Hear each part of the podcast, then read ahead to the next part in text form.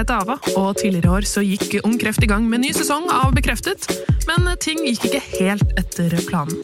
Vi ble rammet av en pandemi som har satt livet til mange på hodet. Men med støtte fra Stiftelsen DAM kastet vi oss rundt og laget denne bonussesongen av Bekreftet. Vi skal snakke om alt som er utfordrende, nytt, og prøve å svare på alle spørsmålene du måtte ha om denne rare tiden.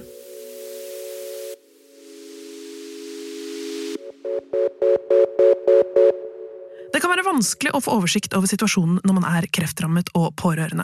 Hva gjør man nå? Hva har man egentlig rett på? Og i disse tider forandrer ting seg hver eneste dag. Jeg har snakket med sosionom og prosjektleder Heidi Engelkor om hva sosionomer kan hjelpe deg med.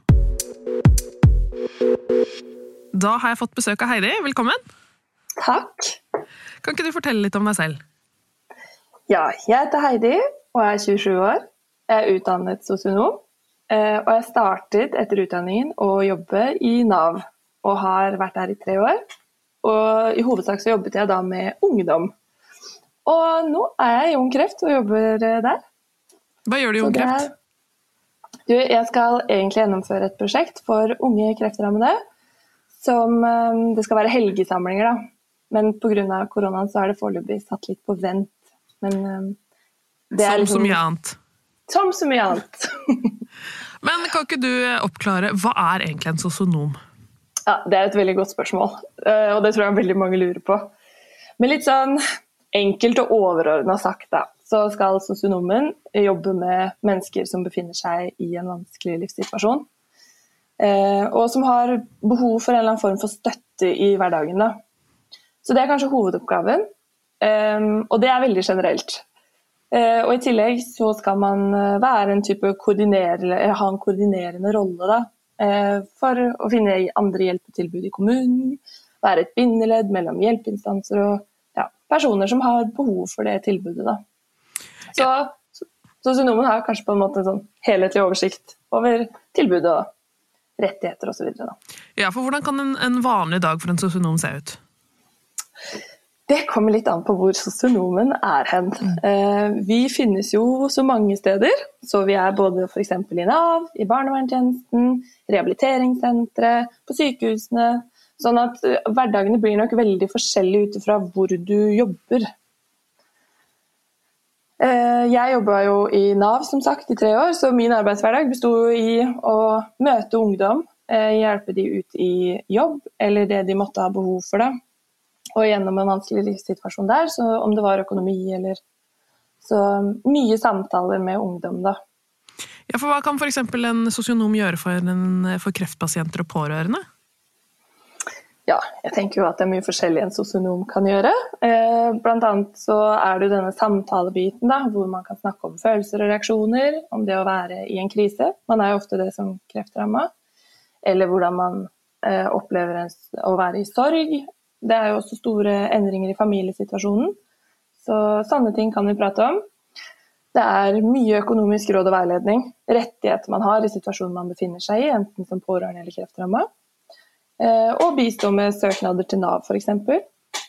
Eh, det kan også være råd og veiledning i forhold til arbeid og utdanning. Ja, eh, hjelpeapparater som er på utsiden av f.eks. sykehusene. At man kan bistå med å koordinere litt av disse tjenestene utenfor, for det er ofte et stort hav mm. av ting og rettigheter. Da. Så rett og slett en støttespiller for både kreftrammede, pårørende og, og etterlatte, da, med utgangspunkt i det de har behov for. Og kanskje ja, og litt hjelp til å holde oversikt over alt som alt praktisk? Ja, absolutt. Det er mye å ta inn over seg, i tillegg til det å være syk. Så det å få hjelp til å håndtere det som kanskje ligger litt utenfor, er vel ja, med litt store ord, da. Ja, men hvor, hvor, kan man henvende seg for å få tak i en sosionom?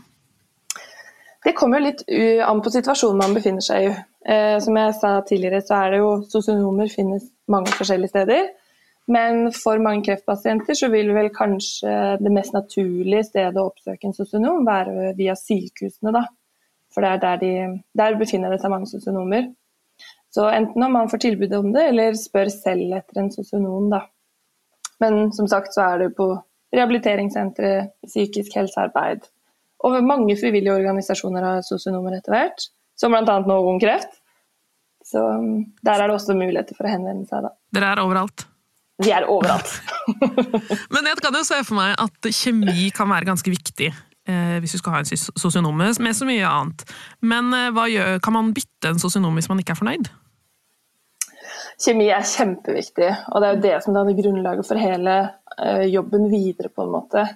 Sånn at um, I mange tilfeller vil det kunne være muligheter for å bytte sosionom, fordi f.eks. For sykehusene kan ha tilgang på flere sosionomer. Um, jeg tenker jo likevel at det er viktig å gjøre seg opp noen tanker om hvorfor man ønsker å bytte. Da. Hva er det som egentlig ikke fungerer? Kan det fikses ved å fortelle sosionomen om hva du føler og tenker, og hva du egentlig mangler? Men så er det jo dessverre innimellom at kjemien bare ikke klaffer. Og da er det viktig å tenke at eh, det er du som skal ha hjelpen, så du må få en sosionom som kan passe, og hvor kjemien er god, da. Jeg husker Petter Stordalen sa at nordmenn er for dårlige til å slutte. Eh, ja. Jeg har litt inntrykk av at det gjelder litt sånn psykologer og tjenester man betaler for som man ikke er fornøyd med, men som man går til likevel fordi man er redd for å såre noen. Ja, eh, det er nok litt sant i det. At, eh, men det kan jeg nesten kjenne meg litt igjen i. fordi man vil så gjerne få det til, man vil så gjerne hjelpe, og så er det vanskelig å sette en strek for det.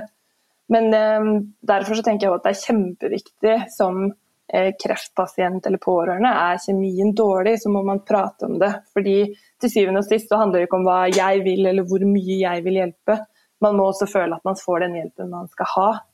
Eh, og det er viktig å prate om, da. Og at man kan sette en strek hvis ikke det er bra nok. Har du noen andre råd til kreftrammede som man ofte glemmer å gjøre eller å tenke på? Åh, det er vanskelig.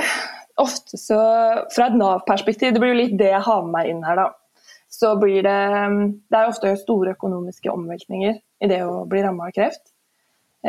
Så ta rask kontakt med Nav. Registrer deg hvis ikke du er registrert hos Nav, sånn at man kan få hjelp og få den informasjonen man trenger for å løse den økonomiske situasjonen man befinner seg i. Da. Så det er raskt å kanskje undervurdere litt hva slags hjelp man kan få og ha rett på økonomisk. Så det er viktig at man bare får kartlagt det med en gang. Og man har plikt, eh, sosionomene og andre man møter i Nav, har plikt til å gi deg råd og veiledning. Så spør de om det du trenger å vite noe om, sånn at man raskt får satt i gang da, det systemet rundt, så ikke man går i lange tider og er usikker på hva man skal gjøre da. Ja, fordi hva, det, hva slags rettigheter er det man potensielt kan miste hvis man ikke er, er på ballen? det er, ja, det er så individuelt hva man har rett på, så det er litt vanskelig å svare på hva man kan miste eller få.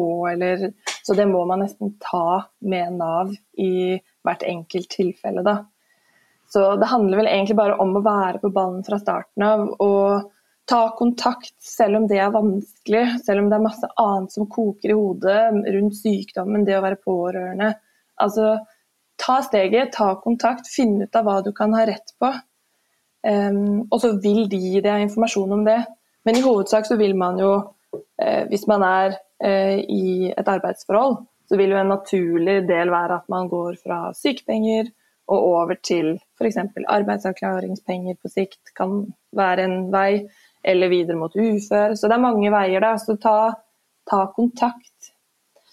Men en ting man kanskje ser ofte da, at blir glemt eller som det ikke tas tak i, det kan være det her med at man tror det er en del automatikk i det å få penger ifra Nav. At man, fordi man befinner seg i en vanskelig livssituasjon, så har jeg rett på sånn og sånn. Og så tenker man at det kanskje går automatisk, men det gjør det altså ikke. Så f.eks. har man mottatt sykepenger og skal over på arbeidsavklaringspenger, så vil det ikke være noe automatikk i det. Man må søke om arbeidsavklaringspenger etter å ha hatt sykepenger. Sånn at eh, det er litt sånn obs, obs, obs, obs. Pass på at man må søke. Det er ingenting som bare kommer.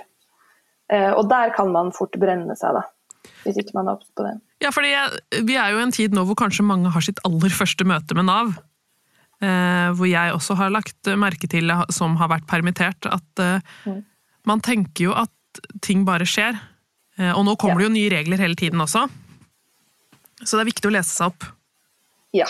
på din situasjon? Det er det. Det er mye som skjer for tiden. Det endres regler og lovverk eh, hele tiden nå. Sånn at eh, er man usikker på hva man skal gjøre til enhver tid med den økonomiske situasjonen sin, eller hva som gjelder en sjøl, så er det viktig å ta kontakt med Nav.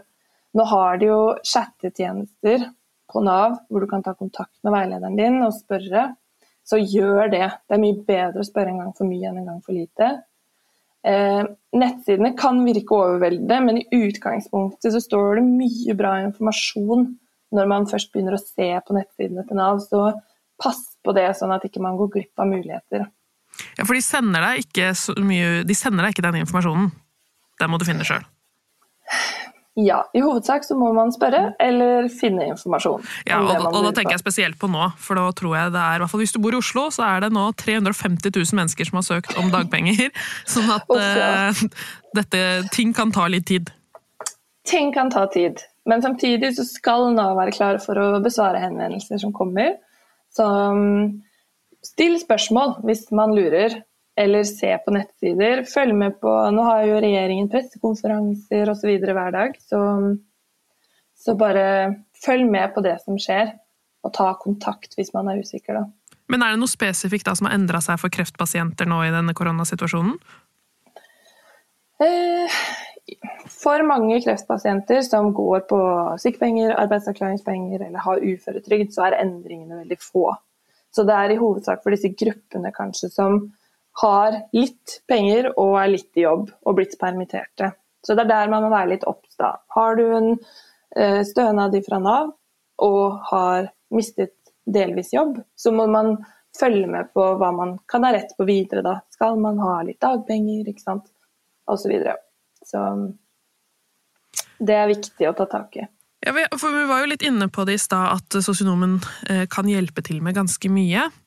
Eh, men eh, hva med på en måte en sånn generell prat? Ikke bare rettigheter, kan man liksom ha en litt sånn en, bable litt om livet? Ja, det, er faktisk godt du tar opp. fordi Vi er jo ikke bare opptatt av rettigheter og råd og veiledning. Det er en viktig del av jobben vi gjør. Men vi er veldig glad i å snakke med folk. Eh, og vil gjerne høre om livet og alt det innebærer, på godt og vondt. Så jeg vil påstå at vi er gode samtalepartnere. Så ja, gjerne ta en prat. Men det er bra. Det er sikkert mange som er glad for å høre. Eh, og så har jeg fått inn et uh, lytterspørsmål. Det er en som rett og slett lurer på om du tror denne koronatiden vil gjøre det verre for kreftpasienter å komme seg ut i jobb? Åh, det er et godt spørsmål.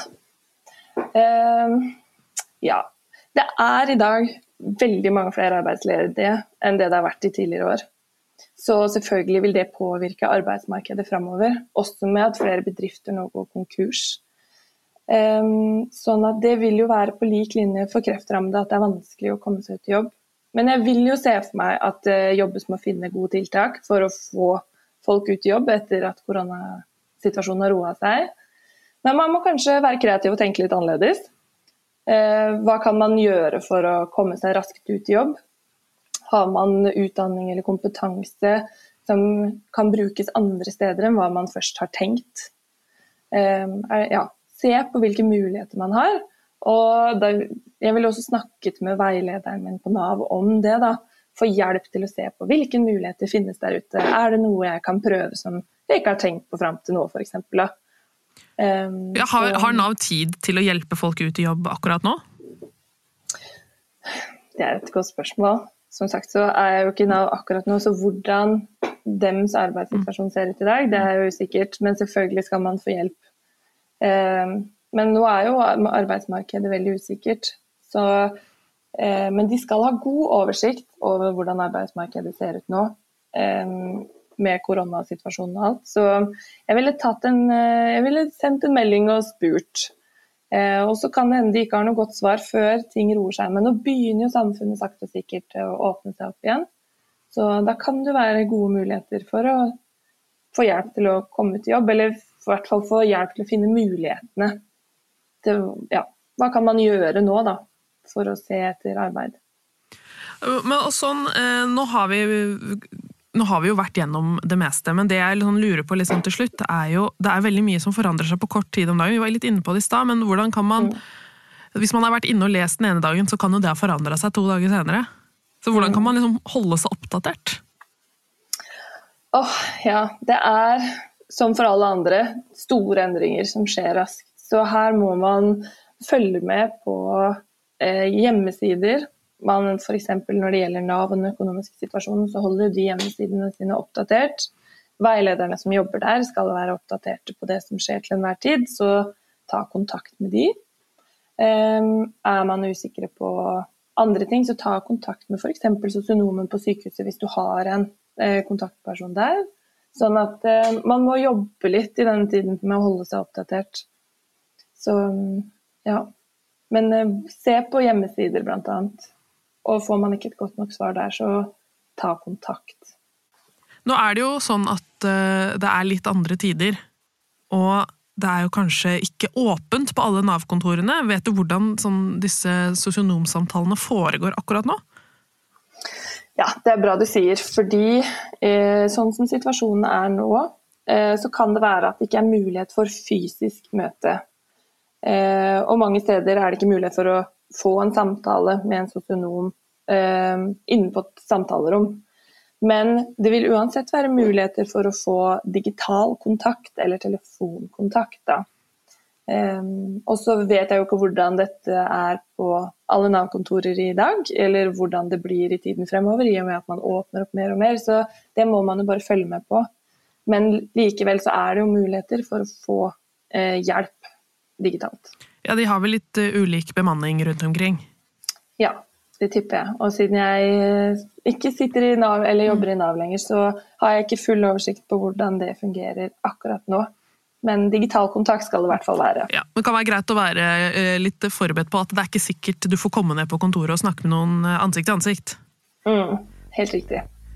Men det var veldig hyggelig at du kom, Heidi. Da tror jeg alle eh, har lært litt mer om hva, i hvert fall jeg har lært litt mer om hva en sosionom gjør, og at det kan være til stor hjelp i en vanskelig tid. Så bra. Tusen takk for at du ville ha meg her. Tusen takk for at du har hørt på denne episoden av Bekreftet. Ny episode kommer hver tirsdag og fredag. Takk til Stiftelsen DAM, og husk at du kan lese mer om ungkreft på ungkreft.no. Har du spørsmål til noen av våre gjester eller temaer du vil høre mer om, kan du ta kontakt på Instagram, Facebook eller ava at ungkreft.no, og det er ava med W.